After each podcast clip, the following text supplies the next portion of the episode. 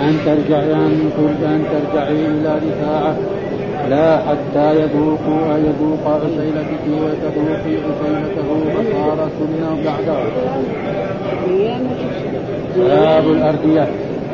وقال أنس نبذ اعرابي رداء النبي صلى الله عليه وسلم. قال حدثنا عبدان.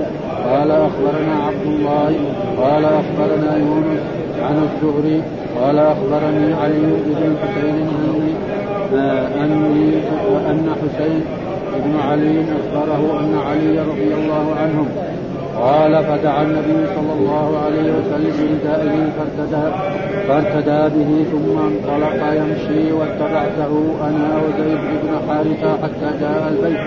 الذي فيه حمزه فاستاذنا فأذنوا لهم باب لبس القميص وقال الله تعالى حكاية عن يوسف اذهبوا بقميصي هذا فألقوه على وجه أبي يأتي بصيرا.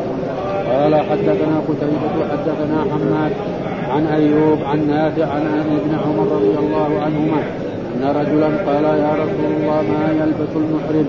من الثياب. فقال النبي صلى الله عليه وسلم لا يلبس المحرم القميص ولا السراويل ولا ولا البرنس ولا الخفين إلا أن لا يجد أن عليهم فليلبس ما هو أسفل من الكعبين. قال حدثنا عبد الله بن عثمان أخبرنا ابن عيينة عن عمرو سمع جابر بن عبد الله رضي الله عنهما قال أتى النبي صلى الله عليه وسلم عبد الله بن ابي ابن أبي بعدما أدخل قبره فأمر به فاخرجا ووضع على ركبتيه ونفث عليه من ريقه والبسه وألبسه قميصه والله أعلم. قال حدثنا صدقة أخبرنا يحيى بن سعيد عن عبد الله قال أخبرني نافع عن عن عبد الله بن عمر قال لما توفى عبد الله بن ابي لما توفي توفي عبد الله بن أبي جاء ابنه إلى رسول الله صلى الله عليه وسلم فقال يا رسول الله أعطني قميصك أكفنه فيه وصل وصل عليه واستغفر له فأعطاه قميصه وقال له فقال له إن فرغت منه فآذن فآذنا. فإن ولا إذا؟ عشان ها؟ إذا فرغت من عنده قالوا إذا فرغت. إذا فرغت. مطموسة ها؟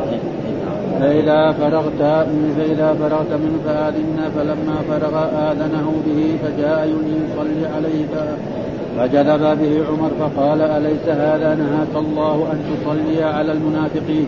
فقال استغفر لهم أو لا تستغفر لهم إن تستغفر لهم سبعين مرة مرة فلن يغفر الله لهم. فنزلت لا ولا تصلي على أحد منهم مات أبدا ولا تقم على قبره فترك الصلاة عليهم. كيف يعني؟ أعوذ بالله من الشيطان الرجيم. بسم الله الرحمن الرحيم. الحمد لله رب العالمين. والصلاة والسلام على سيدنا ونبينا محمد وعلى آله وصحبه وسلم أجمعين.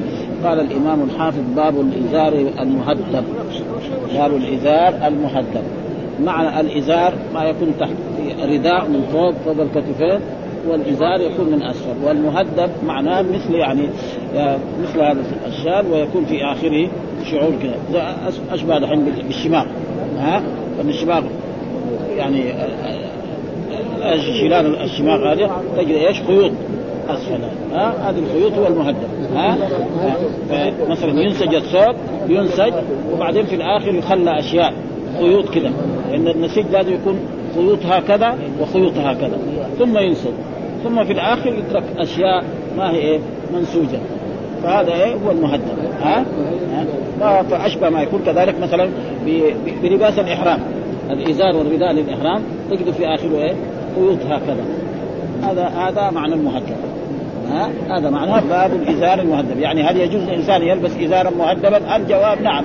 ها؟ فإن آه، المرأة قالت ذلك وأن كان بعض الصحابة وبعض آه، الزهري وغير ذلك كان يلبس هذا. وأمثل ذلك دحين في ما الشيلان الشماغ هذه. الشيلان الشماغ هذه تجد بعد ما تنسج تترك أشياء ها؟ خيوط هكذا.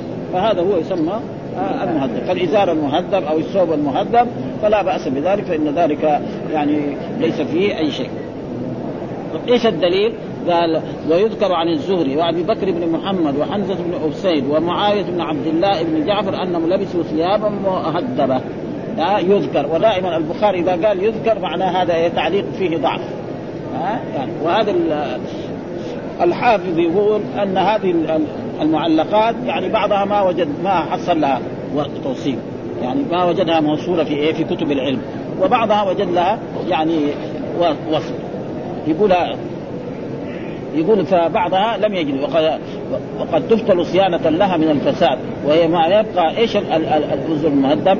قال آه الذي هدب وهي أطراف وهي أطراف من سدى بغير لحمان وربما قصد بها التجمل وقد قد تفتل صيانة لها من الفساد وقال الدراويدي هي ما يبقى من الخيوط من أطراف الأردية ويذكر عن الزهري وأبي بكر بن محمد وحمزة بن اسيد ومعاوية بن عبد الله بن جعفر أنهم لبسوا ثيابا مهدبه قال ابن التين قيل يريد أنها غير مكفوفه الأسفل وهذه الآثار لم يقع لي لم يقع لي أكثرها موصولا. أما الزهري فهو ابن شهاب الإمام المعروف وأما أبو بكر بن محمد فهو ابن عمرو بن حزم الأنصاري قاضي المدينة وأما حمزة بن اسيد وهو بالتصغير الأنصاري الساعدي فوصله ابن سعد هذا موصول يقول حصل. قال أخبرني معن بن عيسى حدثنا سلمة ابن ميمون مولى أبي أسيد قال رأيت حمزة بن اسيد الساعدي عليه ثوب مفتول الهدب. وسلمة هذا لم يزد لم يرد في البخاري في ترجمته. لم يزد في ترجمته في ترجمة على ما في هذا السند. ذكره ابن حبان في الثقات. وأما معاوية بن عبد الله بن جعفر ابن أبي طالب فهو مدني تابعي ما له في البخاري سوى هذا الموضع. فهذا معناه الآن. يعني بعضها ما وجد لها وصل ولا من رواها ولكن هو هذا. المهذب معناه يعني خيوط تكون في آخر الإزار أو في آخر الرداء أو في آخر الثوب أو في آخر الخمار للمرأة. هذا هو المهذب فهذا جائز والدليل على ذلك هذه الآثار التي ذكرها المعلقة. ثم ذكر حديث حدثنا ابو أبو اليمان أخبرنا شعيب عن الزهري أخبرنا عروة بن الزبير أن عائشة رضي الله تعالى عنها زوج النبي صلى الله عليه وسلم. قالت جاءت امرأة رفاعة القرظي رسول الله صلى الله عليه وسلم وأنا جالسة. وعنده أبو بكر الصديق فقالت يا رسول الله إني كنت تحت رفاعه فطلقني فبت طلاقي فتزوجت بعده عبد الرحمن بن الزبير وانه والله ما معه يا رسول الله إلا مثل الخطبة.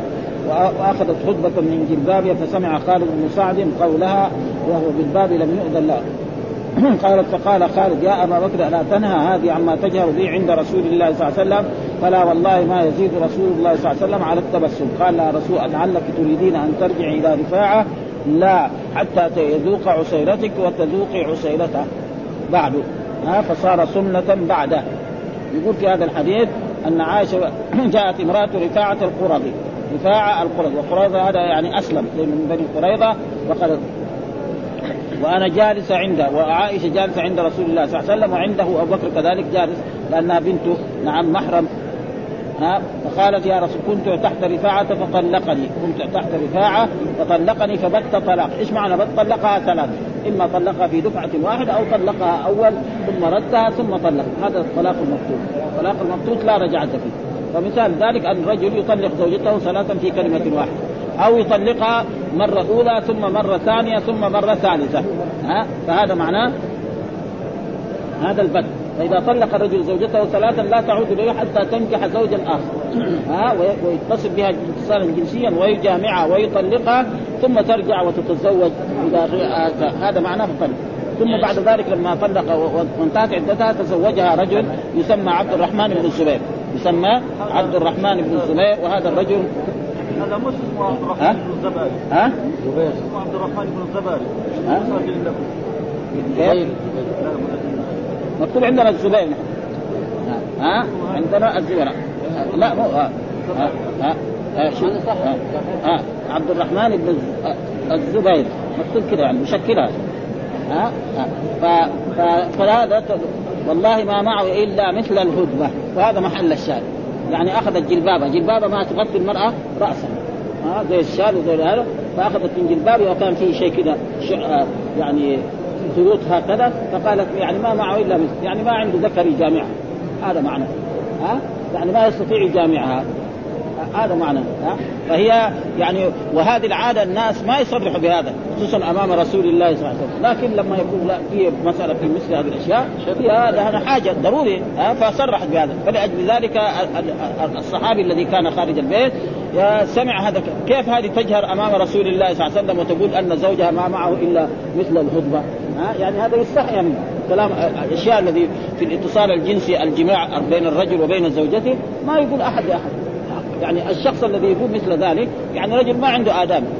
فلذلك هي قالت هذا فقال لها الرسول صلى الله عليه وسلم يا قالت فقال خالد يا أبا بكر الذي كان في الباب قبلها ألا تنهى هذه عما تجهر به عند رسول الله؟ تجهر بكلمات مثل هذه يعني تقريبا فيها يعني يستحيى منها. ها؟ كيف تجهر بمثل هذه الكلمات عند رسول الله صلى الله عليه وسلم؟ ها؟ فقال لها وما زاد الرسول على التبسم يعني الرسول كان يتبسم ها؟ لأن هذه مو كل مرأة مو كل مرأة تقدر لكن هي لما كانت فيها ضرورة قالت مثل هذا. فقال لها الرسول لعلك تريدين أن ترجعي إلى رفاعة؟ يعني تريد أن ترجعي إلى زوجك الأول؟ قال لها لا حتى تذوقي عسيلته ويذوق عسيلته. إيش معنى تذوق؟ يعني تذوقي لذة جماعي ويذوق لذة جماعي. ومعلوم أن أحسن شيء عند العرب حلو هو العسل. ها؟ وكذلك الجماع لذيذ جدا. ها؟ كل الرجال وكل النساء يعرفون يعرفون ذلك. ها؟ فالذي فالرسول ذكر هذا.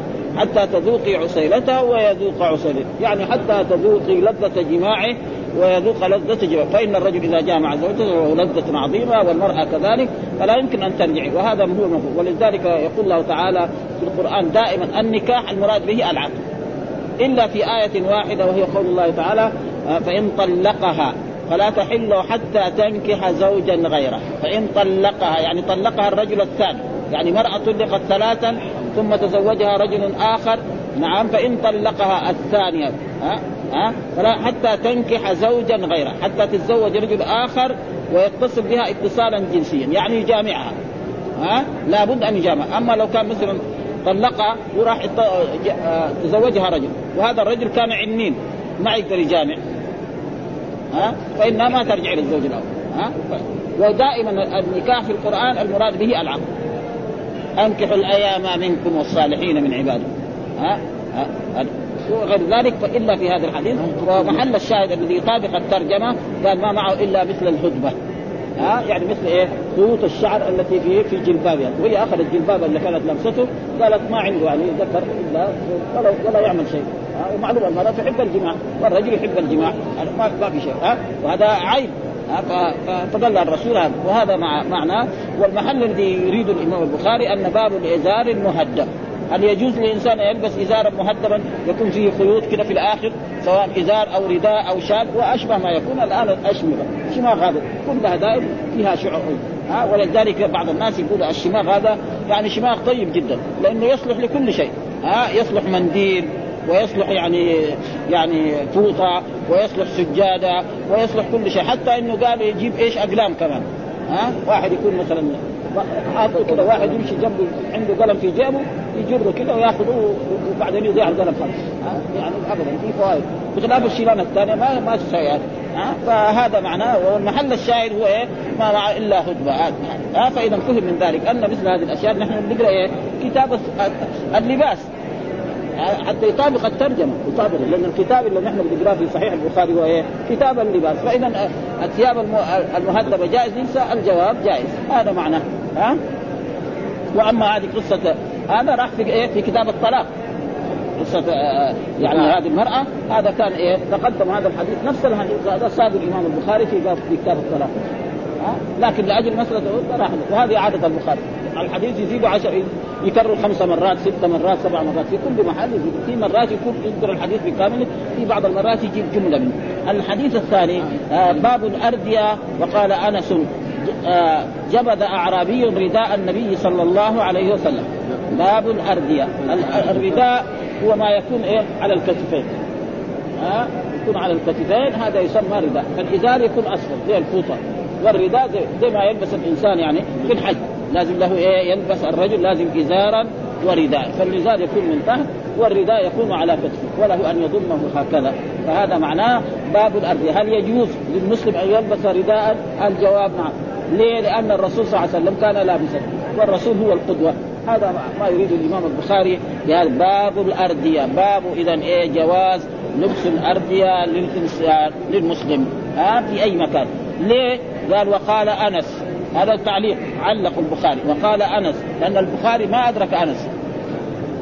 ها بينه وبينه رجال. ها صحابي يعني جبذ أعرابي رداء النبي صلى الله وهذا الحديث يقول سيذكره بعد كم باب والحديث بكامله أن الرسول صلى الله عليه وسلم بينما كان مع أصحابه جاء أعرابي. وأخذ الرسول كذا جذب الرسول كذا من ردائه وقال إن هذا المال اللي عندك أعطني منه. يعني ثم بعد ذلك ترك الرسول فالرسول أمر له بعطاء يعني هذه إيه؟ مكارم أخلاق جدا. وإلا كان حقه هذا لو قتل يستحق ياخذ استحقاقه يفعل هذا مع رسول الله صلى الله عليه وسلم لا ينبغي ادب ولا من الأدب ولا هو ولا من وهو مسلم يعني ما هو كافر. لو كان مرتد كان ما يعطي له شيء. ها يعني مسلم لكن الأعرابي فيه جفاء. دائما يعني ما ما عندهم آداب. ما عندهم آداب. فلأجل ذلك جذب الرسول هكذا. يقول حتى أنس يقول اثر الجذب لأنه رجل قوي. لما يجي كذا إنسان ويكون هذا ويكون مثلا قد يكون هذا الرداء من صوف أو من كتان فيأثر في إيه؟ نعم في الحلق. يصير أحمر الحلق إذا كان رجل أبيض هذا معناه هذا معناه قال وقال أنس جبذ أعرابي رداء النبي صلى الله عليه وسلم إيش المحل الشاهد؟ أن الرسول كان لابس رداء هذا هذا هذا هذا هذا يعني إيش؟ المناسبة ها أن الرداء هل يجوز للمسلم يلبس؟ الجواب نعم، ليه؟ لأن الرسول كان لابس رداء وهذا الأعرابي جذب رسول الله صلى الله عليه وسلم بقوة وشدة ثم قال إن هذا المال اللي عندك أعطني منه ها ثم بعد ذلك الرسول أمره بعطاء طيب الحديث المرفوع قال حدثنا عبدان قال أخبرنا عبد الله قال أخبرنا يونس عن الزهري قال أخبرني علي بن حسين أن حسين بن علي اخبره أن علي رضي الله تعالى عنه قال فدعا أن النبي صلى الله فدعا النبي صلى الله عليه وسلم بردائه فارتدى به ثم انطلق يمشي واتبعته أنا وزيد بن حارثه حتى جاء البيت الذي فيه حمزة فاستأذن فأذنوا له هذا الحديث كان إيش؟ تقدم في إيه؟ في في في الخمس في يعني في ما يجب الخمس. واعلموا أن ما غنمتم من شيء فأن لله خمسه وللرسول ولذي القربى واليتامى والمسلمين وأن جميع الغنائم التي تجمع في القتال إذا قاتل المسلمون الكافرين وجمعوا أموال فيقسم إلى خمسه أقسام. ها؟ قسم لله وللرسول ولذي القربى واليتامى والمساكين وابن وأربع أخماس للجيش. للفارس ثلاثة اسهم والماشي على رجل أو راكب بعيرا له سهم واحد. وكان هذا في غزوة بدر. ففي غزوة بدر علي بن أبي طالب كان من جملة المجاهدين. نعم. وقتل بعض الكفار فاعطاه الرسول من الغنائم. نعم ناقة كبيرة جدا. وأعطاه بعد ذلك كذلك ناقة أخرى وأتى بهاتين الناقتين إلى المدينة هنا. و ولما وصل المدينة ذهب بها إلى سوق بين قينقاع. سوق بنو قينقاع كان غربي المسجد. يعني جهة إيه؟ جواد الطيار وما حولها هناك. وتركها هناك. وكان رجل يهودي قال له يعني جيب لي الاذخر والاذخر معلوم نبات طيب الرائحة يستعمله مثلا الحدادين ويوضع في القبور. آه. فكان وفي ذلك الوقت كان الخمر حلال. جائز شرب الخمر. فجاء حمزة عم رسول الله صلى الله عليه وسلم وكان سكران ووجد الناقتين هذه. يعني باركة فأخذ سيفه وجد سنامها وبقر بطونها وراح دخل مع الزملاء قاعد يشربوا الخمر. فلما جاء علي علي بن إيه يبغى يتزوج بنت رسول الله صلى الله عليه وسلم. يبغى يقدم هذا مهر ويتزوج بنت رسول فاطمة يعني بعدها بيوم أو يومين. فلما جاء وجد النوق هذه مفعول بها هكذا تأثر. وحزن حزنا شديدا معناه إن الزواج حقه يخرب. لأن المهر ضاع فإيش يسوي؟ راح اشتكى لرسول الله صلى الله عليه وسلم. قال يا رسول الله إن حمزة مع عبد المطلب فعل كذا وكذا. آه هذه النوت فعل بها كذا. فقام الرسول وأخذ رداءه. هذا محل الشاهد أخذ الرسول رداءه وخرج مع علي بن أبي طالب وذهبوا إلى المكان الذي فيه حمزة. مع جماعة زملاء إيه يشربون الخمر. فدخل عليهم وأستأذن فأذنوا للرسول. فلما دخلوا إذا وجدهم سكرانين. ها آه كل واحد يعني عيون كل واحد منهم حمر. فقال حتى أن حمزة من كثر السكر. يعني مؤثر فيه قال ما أنتم إلا عبيدي وعبيد آبائي. وهذه كلمة خطيرة جدا. ها؟ لو قال إنسان يعني ما هو سكران حقه يقتل يقول للرسول يخاطب الرسول ما أنتم إلا أنتم عبيدي وعبيد آبائي. فالرسول عرف إنه هذا سكران. يعني لو كثر معاه كمان يأخذ السيف يضرب الرسول ثم بعد ذلك جاء تحريم الخمر. بعد إيه؟ مده من الصلاه جاء تحريم وهذا محل الشاهد الذي له وإلا هذا كان تقدم إيه؟ في الزكاة وفي في, في الجهاد. يعني الحديث هذا تقدم. لكن المحل الذي يريد الإمام البخاري فدعا النبي صلى الله عليه وسلم بردائه. يعني إيه؟ أن الرداء هذا لبس جائز لأن الرسول كان له رداء وكان يلبس فارتدى به ثم انطلق يمشي واتبعته أنا وزيد بن حارثة حتى جاء البيت الذي فاستأذن فأذنوا له. ثم كلم حمزة وجده سكران فقال حمزة هذه الكلمة ما أنتم إلا عبيدي وعبيد آبائي. ها رجل يقول هذه الكلمة يعني خطيرة ها يقول الرسول عبد. ليه؟ لأنه سكران. والسكران على كل حال ما عنده عقل كان وفي ذلك الوقت كان الخمر حلال. الخمر ما حرم إلا بعد ما أنزل الله تعالى يا أيها الذين آمنوا إنما الخمر والميسر والأنصاب والأزلام رجس من عمل الشيطان فاجتنبوه لعلكم تفلحون. وهذا يمكن كان في السنة يعني بعد أحد يعني بعد السنة الثالثة يمكن في السنة الرابعة. وهذا الكلام الآن كان في السنة إيه؟ الثانية. ها؟ فهذا محل الشاهد. و... ثم ذكر باب لبس القميص وقول الله تعالى حكاية عن يوسف اذهبوا بقميصي هذا فألقوه على وجه أبي يأتي بصيرا. باب لبس القميص. برضو نحن نقرأ كتاب اللباس. هل يجوز للمسلم يلبس قميص؟ ما هو القميص في العرف العربي؟ العرف العربي كل ثوب نعم مفصل على جسد الإنسان يسمى قميصا. هذا في العرف العربي القديم. ها فهذه الثياب اللي نلبسها كلها تسمى إيه؟ قميص. الآن لا. لها أسماء كثيرة. في يسمى شيء داخلي يسمى فنيله يسمى صدرية يسمى كوت يسمى بالطو يسمى قميص. أسماء كثيرة. في كل وقت له إيه؟ ألبسة وله رجال. وإلا القميص كل ما كان مفصل على جسد الإنسان يسمى قميصا.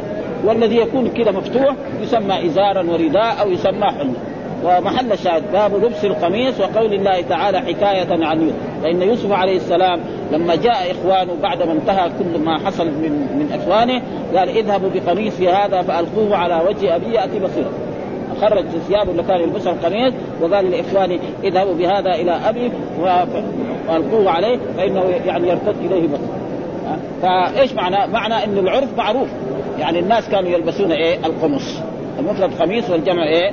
قمص أن هذا شيء معروف ومتداول والرسول كان كذا بعد ذلك يأتي بالحديث التي نهى عنه الرسول. يعني إيش المحل الشاهد؟ يعني هذا يوسف. طيب نحن المسلمين في شرع في فرق بين شرعنا وشرع يوسف. لكن هذا شيء متداول معروف إنه فإذا جائز للإنسان المسلم أن يلبس القميص. بشرط أن هذا القميص لا يكون إيه؟ من الحرير إن كان رجل. بس. ها؟ إذا كان رجل لا يجوز أن يلبس الحرير. وأما إذا كانت مرأة فلها أن تلبس قميص من حرير أو غير ذلك. ها؟ قال اذهبوا بقميص هذا فألقوه على وجه ابي يأتي بصيرا يعود بصيرا. هذا محل الشاهد. ها؟ مسألة كلمة قميص وأن هذا معروف لدى العرب ولدى الناس كلها أن هذه لباس تلبس والإسلام أقرها وذكرها ولم يمنع عنها.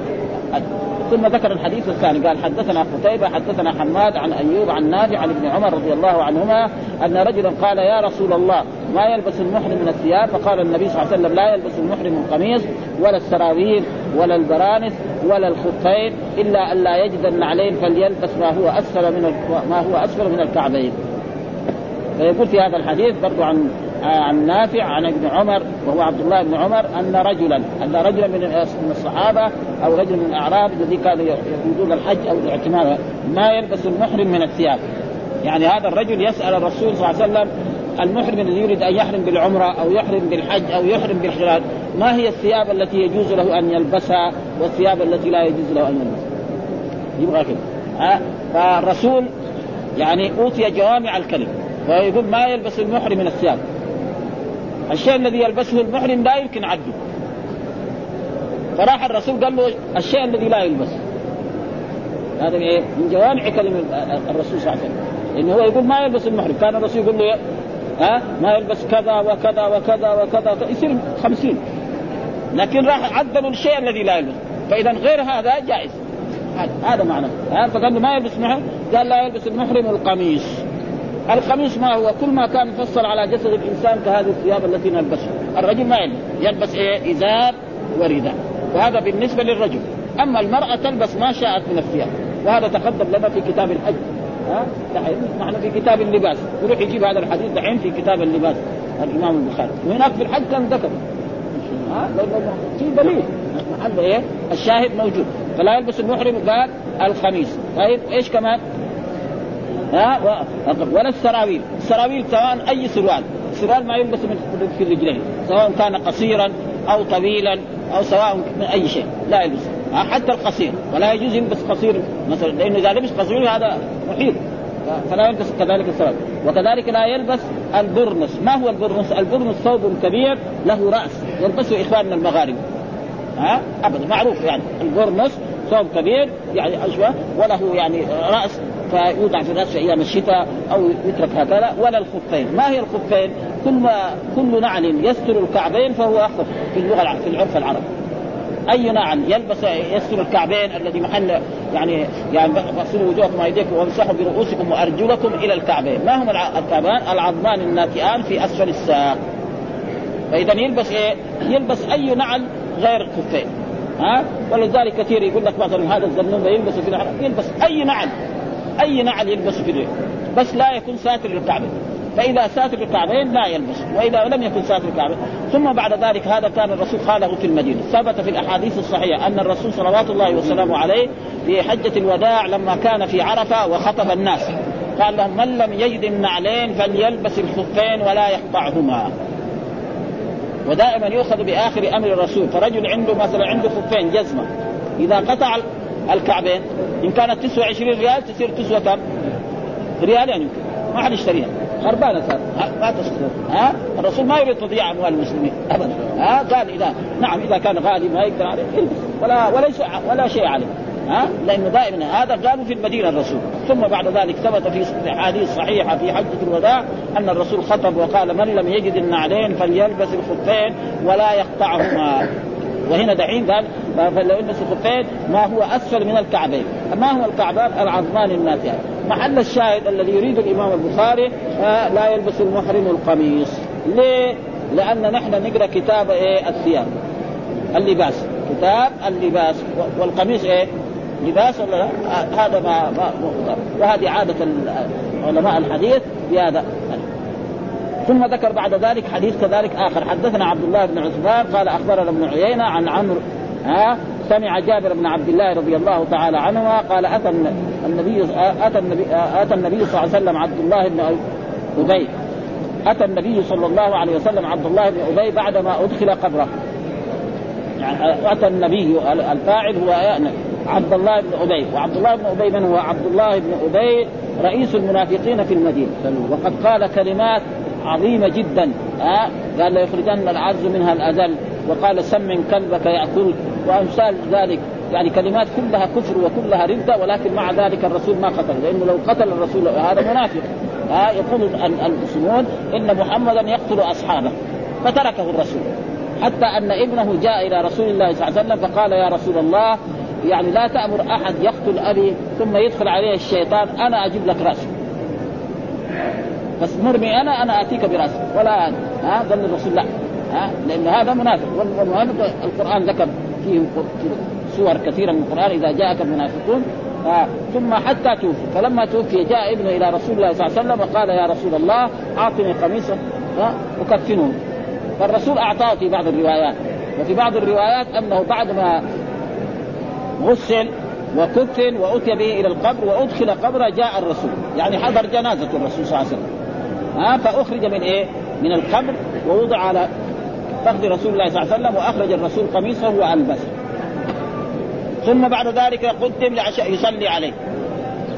عمر ما رضي كذب الرسول. كيف تصلي عليه هذا هذا يقول يقول يخرجن الأعز منها الازل يعني إن إن المهاجرين دول يعني جو إلى إلى المدينة الآن يعني صار لهم صولة ودولة بده يعني ياخذ عليهم بلادنا أو كذا. ها وقال سمن كلبك ياكلك إلى غير ذلك وقال مثلا ما رأينا مثل قرائنا هؤلاء أرغب بطونا ولا اجبر عند اللقاء فقال له الرسول تركوا وصلى عليه. ثم بعد ذلك أنزل الله تعالى ولا تصلي على أحد منهم مات أبدا ولا وهذا كان مكافأة من رسول الله صلى الله عليه وسلم. وهذا ليش الرسول فعل معه هذا؟ لأن الرسول صلوات الله وسلامه عليه لما كان في غزوة بدر وكان من جملة الأسرى العباس. ها كان من جملة الأسرى العباس عم رسول الله صلى الله عليه وسلم. ومعلوم الأسير قد يكون يعني كان العباس رجل طويل جدا. ويمكن تمزقت ثيابه أو في الحرب أو في غير ذلك وأصبح ما دونه. فطلبوا في الجيش يعني في الناس من عنده ثوب؟ بل لما وصل المدينة أو كذا ما وجد. إلا مين؟ يعني عبد الله بن أبي كان عنده ثوب. يجي قد العباس. فأخرج ثوبه واعطاه لإيه؟ للرسول والرسول لبس العباس. فصار إيه؟ هذه بعض يد. فالرسول أراد أن يكافئه. وهذا القميص قد ما ينفعه لأنه كافر. وإلا لو كان ما هو كافر كان ينفع هذا القميص.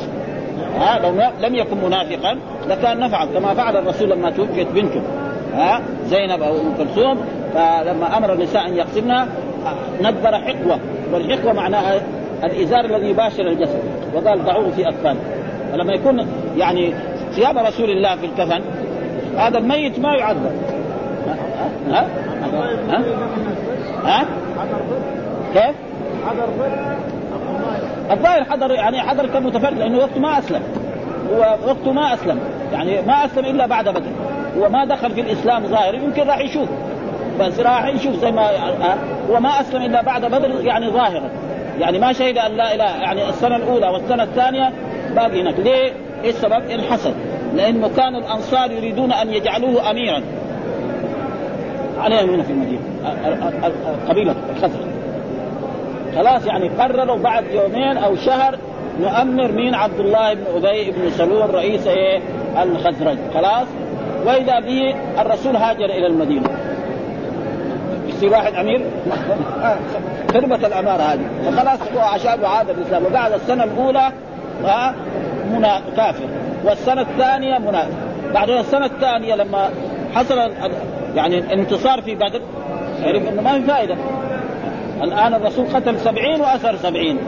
معناه نحن كمان بعدين يقتلنا. آه فجاء إيه؟ تظاهر بالإسلام. ظاهر.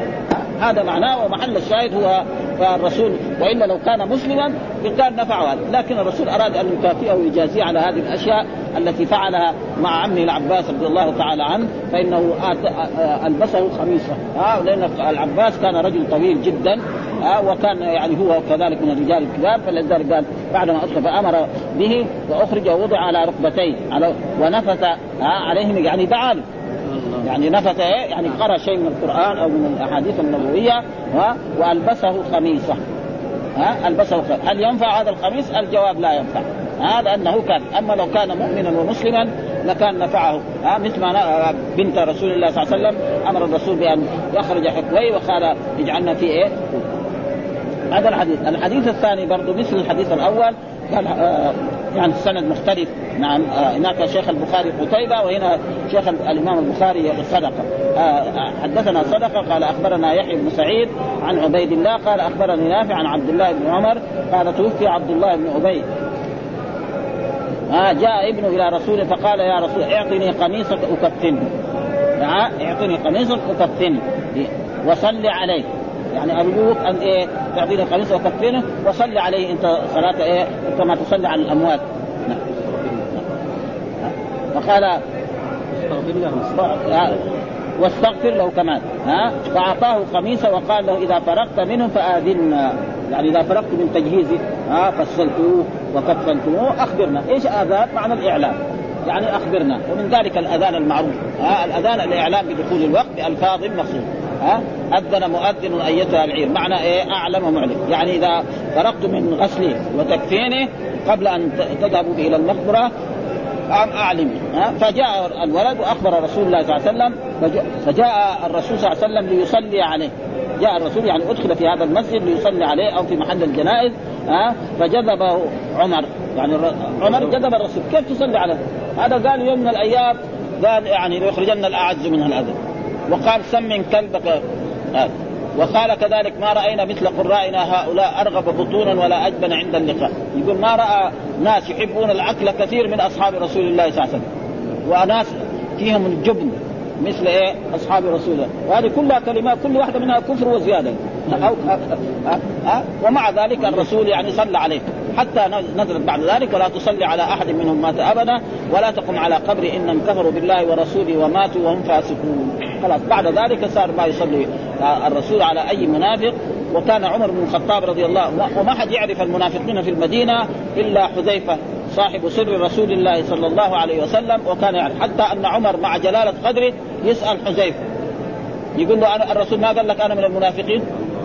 شوف الرجل العظيم هذا. ها؟ ها, ها؟ الذي لا يوجد له نظير إلا أبو بكر الصديق. واحد يصل درجة يعني أعلى منه إلا أبو بكر الصديق. يقول له حذيفة ما قال لك؟ و... و... وكان حذيفة ما يخبر ها؟ دائما يا عمي عشان الناس يكونوا بين خوف ورجاء دائما. ها؟ ولذلك يرجون رحمته ويخافون عذابه. ها؟ بعد ذلك لما كثر عليه قد وكان يشوف إذا حذيفة صلى على الجنازة يصلي هو. اذا حذيفة ما يصلي ما يصلي عليه. لأن حذيفة هو اللي يعرفه. ما حد يعرفهم تمام المنافقين؟ يمكن بعض ناس ثلاثة أربعة يمكن والباقيين ما حد يعرف فلو محل الشاهد هو يعني البسه خمس. هذا محل الشاهد الذي يطابق الترجمة الذي ساقها هو الإمام البخاري. في هذا أنه العرب كانوا يلبسون القميص وأن الرسول كان لابس قميص وأخرج قميصه والبسه عبد الله بن أبي بن سلول. فهذا دليل على أنه ليس فيه آه آه. وكذلك وفهم من ذلك أن القميص لا يلبس الرجل لا يلبس القميص إيه الحرير إلا إذا كان في مرض.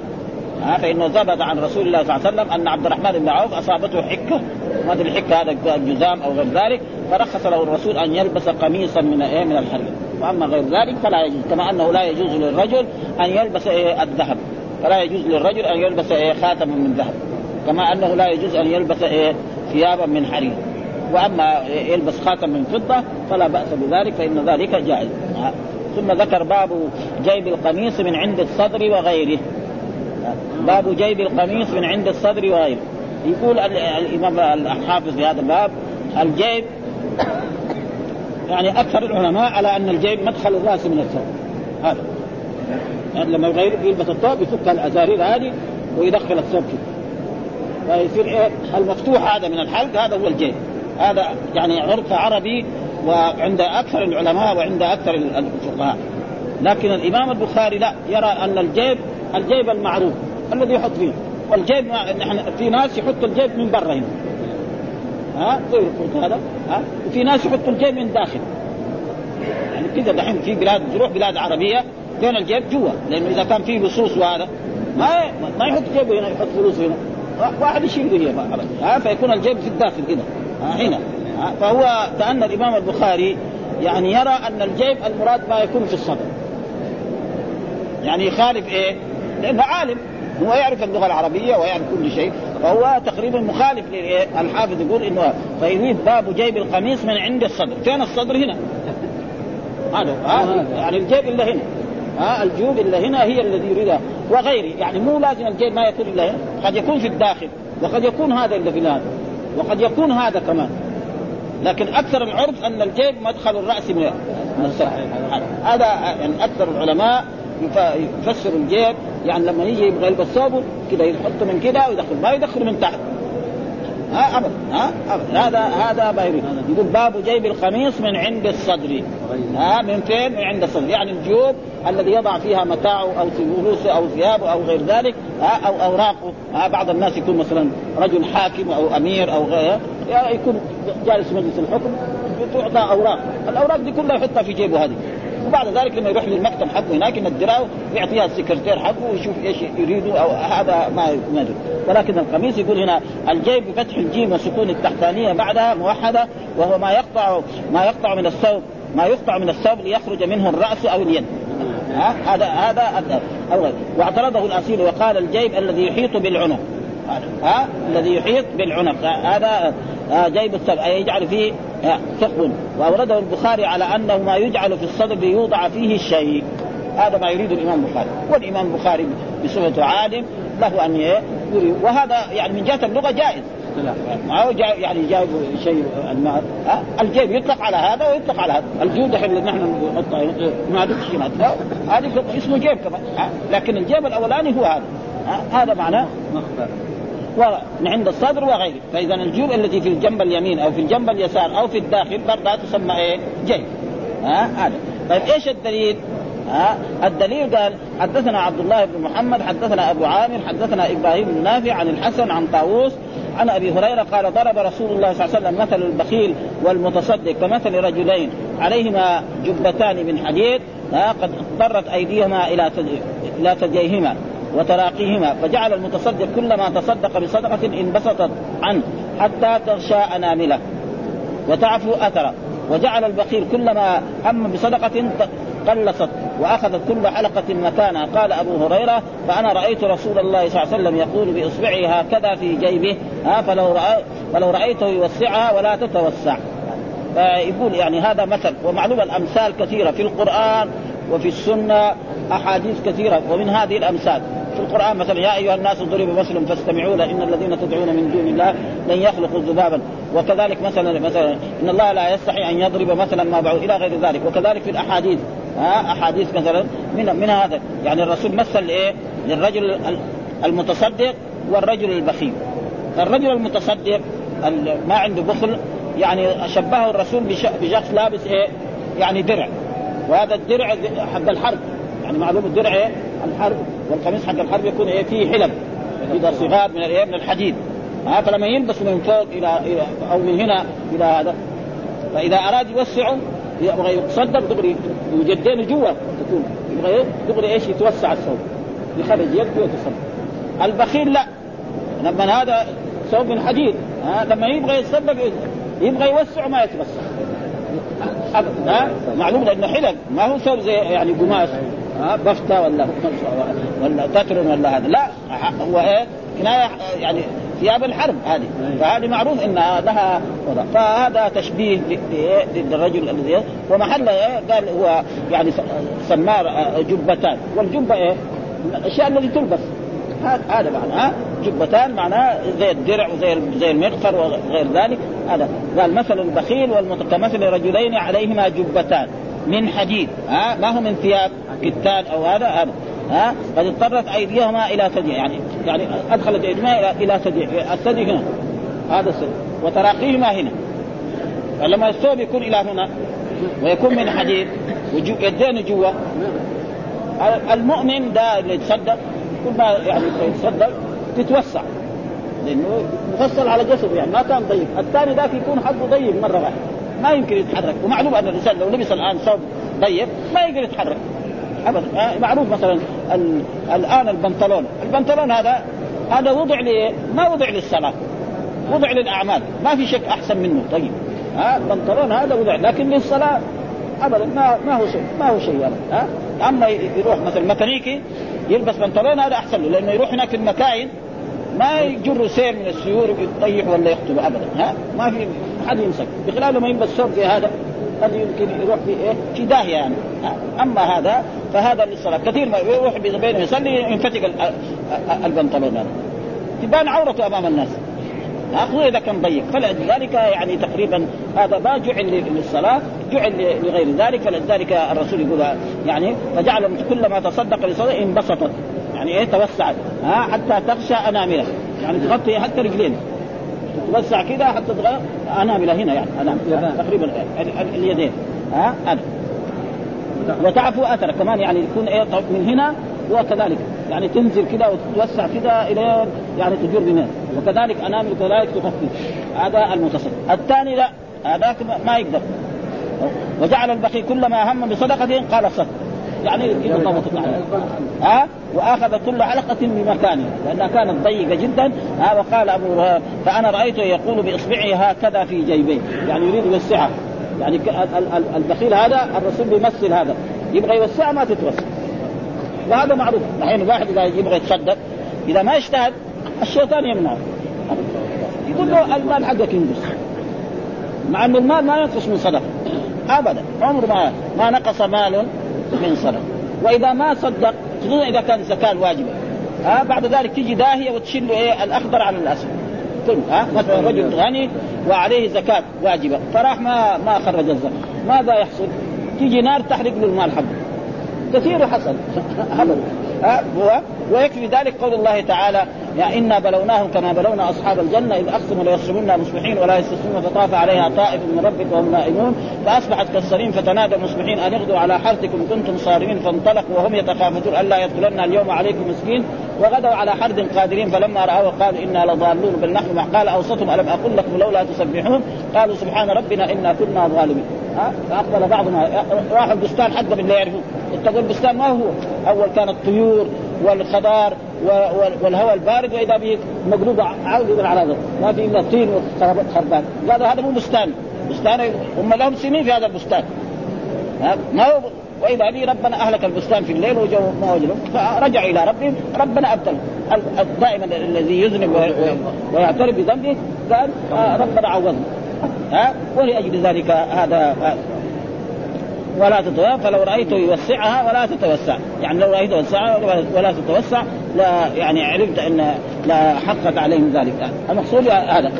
فما تتوسع وتابعه ابن طاووس عن أبيه أبو الزناد عن الأعرج في الجبتين. ها؟ ها؟ والحمد لله رب العالمين وصلى الله وسلم على نبينا محمد وعلى آله وصحبه وسلم.